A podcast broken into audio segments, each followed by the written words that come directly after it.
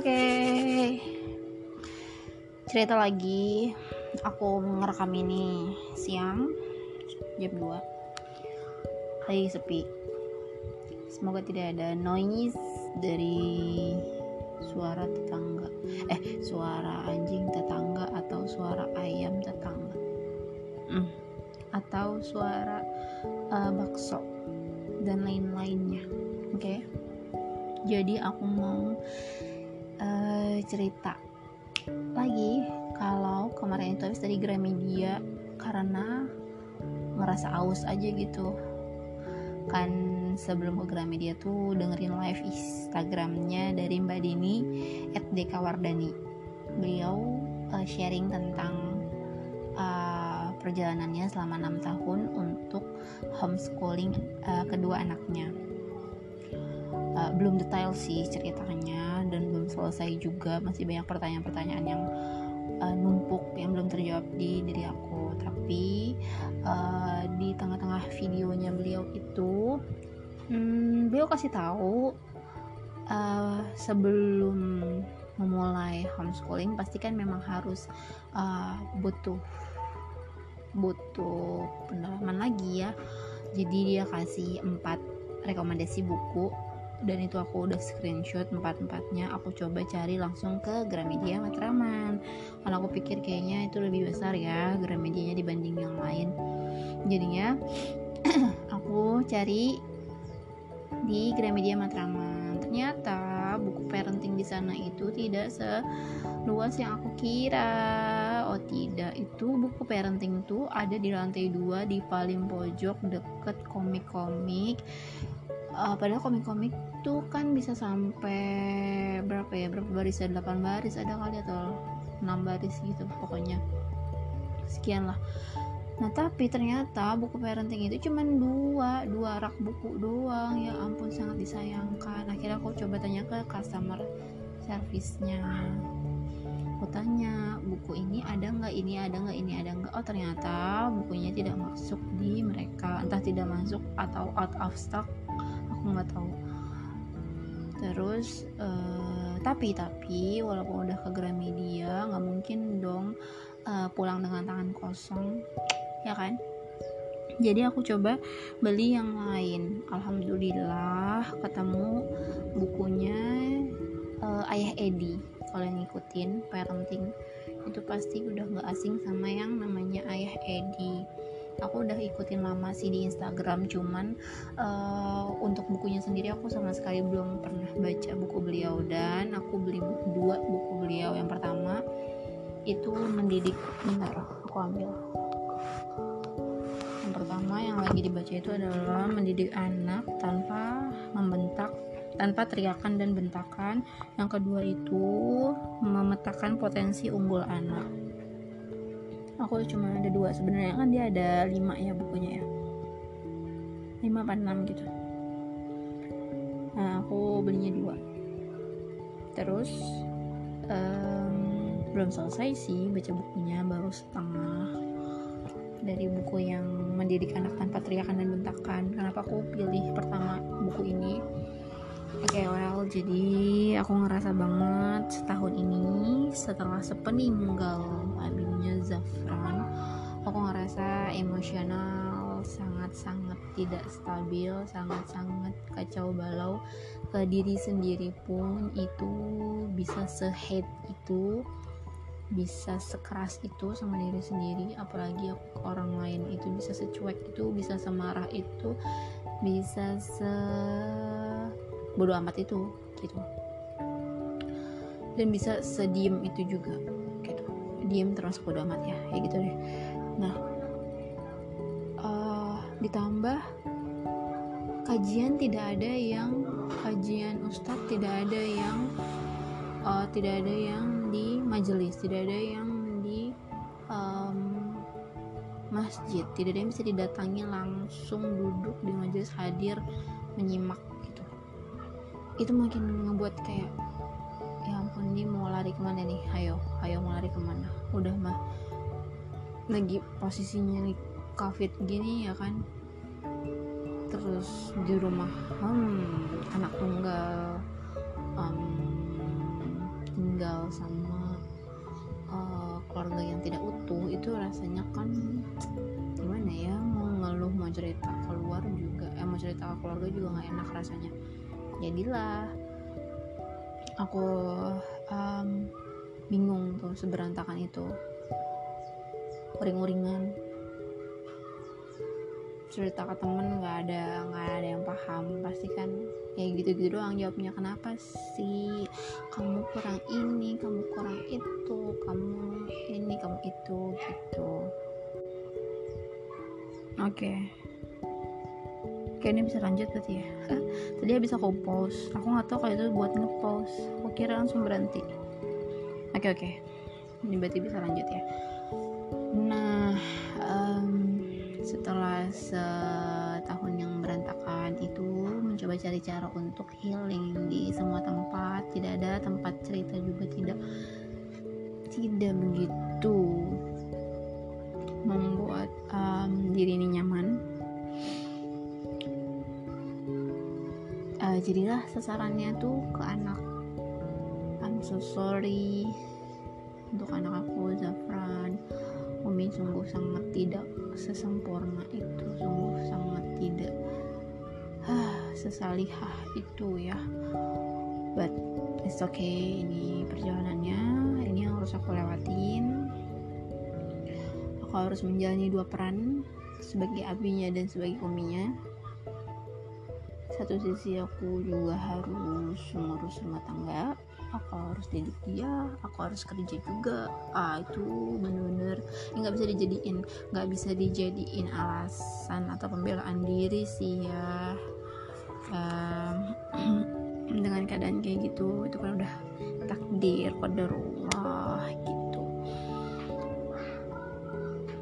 Nah jadinya kayak aku lebih sering marah ke anak. Kayak aku lebih sering nuntut dia buat ngerti aku but hello anak lima tahun lu suruh ngerti uh, urusan apa ya urusan permasalahan umur 25 tahun urusan uminya 25 tahun ya nggak akan nyampe gitu. Gitu jadi sering banget tuh teriak dan bentak ke dia makanya aku excited banget ketika nemu mendidik anak tanpa teriakan dan bentakan. Gitu dan highlight yang didapat dari setengah jalan baca buku ini adalah kita tuh terlalu menyibukkan diri mencari jalan keluar sebenarnya kita harus lebih sibuk untuk mencari jalan ke dalam. Apa tuh jalan ke dalam? Kita koreksi diri di kita. Apa yang koslet dari hati, dari pikiran, dari apa yang selama ini kita uh, kerjain, kita lakuin itu. Apa sifat-sifat kita, ego kita yang mesti kita uh, ubah kita coba proses benahin gitu terlalu sering menuntut diri ke orang lain tanpa tahu ternyata kesalahan tuh adanya di kita. Oke orang lain punya porsi salahnya. Tapi kita juga ada loh. Kita juga punya porsi salahnya. Tapi kenapa kita selalu cari ayo cari jalan keluar cari jalan keluar cari jalan keluar segala macam. Eh ternyata masalahnya ada di dalam. Ngapain cari keluar kalau ternyata ada di dalam masalahnya? Ya kan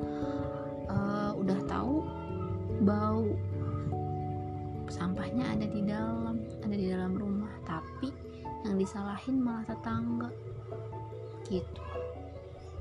Ya seperti itulah.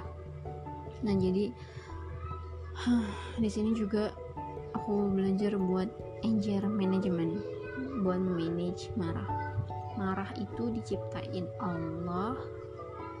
Marah itu juga bagian dari sifat manusia nggak boleh dipungkiri nggak boleh di apa ya namanya diabaikan terima kalau kita memang ada sisi marahnya juga. Gitu. Tapi di kita kan juga diajarin kalau marah itu uh, kalau lagi marah inget inget apa ya ingat ingat akibat nantinya gitu. Jangan ketika marah langsung diledakin semuanya langsung diomongin semuanya. Ya walaupun nggak baik juga ya kalau lagi marah tuh dipendem dipendem dipendem diam diam diam itu juga nggak baik juga gitu. Cuman harus bener-bener kita balance gitu. Antara hmm, diungkapkan diutarakan di manage dengan baik karena aku keinget jadi sama hadis yang uh, la tagdob walakal jannah. La tagdob jangan marah. Jangan marah. Walakal jannah. Dan bagimu itu surga. Coba deh. Walakal jannah. Kenapa dipakainya bagimu surga bukan malah jangan marah nanti kamu masuk neraka. Kenapa malah diiming-iminginya dengan sesuatu yang wah sesuatu yang pencapaian tertinggi gitu? Bukan bukan sesuatu yang akan menakuti dia. Kenapa gitu? Kenapa dipakainya tuh surga? Kenapa bukan neraka? Ya karena orang lagi marah ya udah. Itu tuh out of control aja gitu. Meledak-ledak aja kalau orang lagi marah coba orang lagi marah. Terus kita malah ngomongnya eh jangan marah tuh malah masuk neraka. Ini malah makin marah lah. Aku baru ngeh. Ya orang kalau lagi marah terus kita malah ngimang-ngiminya dengan udah jangan marah ntar lo masuk neraka. Ini malah makin marah lah makin, malah makin bete. Malah makin kesel malah makin ah elah apaan sih? Gitu pasti. Tapi, tapi coba kalau misalnya kita bilang jangan marah bagi kamu tuh surga. Nanti kita tuh bisa masuk surga nanti kita makin pahalanya banyak. Nanti ketemu sama Allahnya juga enak gitu. Coba. Luluh. Iya ya. Iya ya. Oh, oke. Okay. ada remnya tuh. Bukan malah makin digas. Gitu ternyata. Ya hikmahnya ya. Hikmah pemilihan kata dari walakal jannah itu biar orang lagi marah nggak semakin marah. Biar dia tuh inget kalau dengan cara dia mengontrol emosinya marahnya itu dapat pahala. Dan itu bisa jadi dia masuk surga. Gitu. Itu aku dapat. Dapat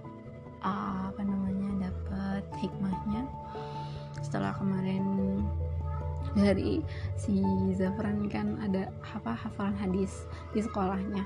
Um, ketika aku lagi ini lagi baca-baca latar untuk jana terus dia ngikutin kan uh, terus aku dalam keadaan apa gitu dia nggak mau ngedengerin gurunya terus aku bilang Zafran duduk. Zafran dengerin ibunya ya bu gurunya ya.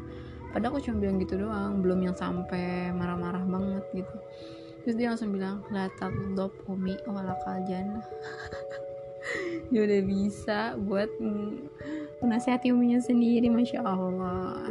Tapi nggak apa-apa itu juga uh, butuh ya orang tua juga butuh nasihat dari anaknya. Gitu. Jadi aku coba buat uh, engine manajemennya diperbaiki lagi ngontrol emosinya. Aku dapet uh, pelajaran bagus. Kenapa kalau marah itu kita harus uh, ingat diri mawas diri bener-bener harus dikontrol karena anak tuh akan meniru kita akan banyak sel sel-sel dalam diri dia yang akan hancur kalau kita marah-marah. Aku juga dengar dari uh, dokter Aisyah Dahlan bisa diikuti di YouTube-nya beliau aktif di YouTube. Um, itu banyak sel-sel otak yang akan uh, rusak karena kita marah-marah. Banyak juga hmm, sel-sel yang lainnya imun anak mungkin yang jadinya turun karena kita udah sering denger kita marah-marah gitu. Aku coba buat oh, ngurangin itu semua deh. Insya Allah ya Bismillah sama-sama walaupun masih banyak keceplosannya.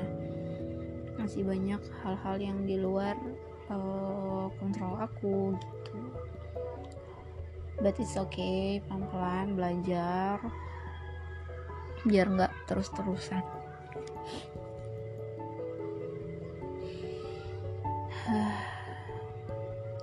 Terus aku mau uh, sharing lagi. Biasanya kan orang tua itu atau aku ya aku biasanya tuh kalau Zafrannya uh, lagi minta sesuatu misalnya ini anak minta mainan. Umi aku mau mainan.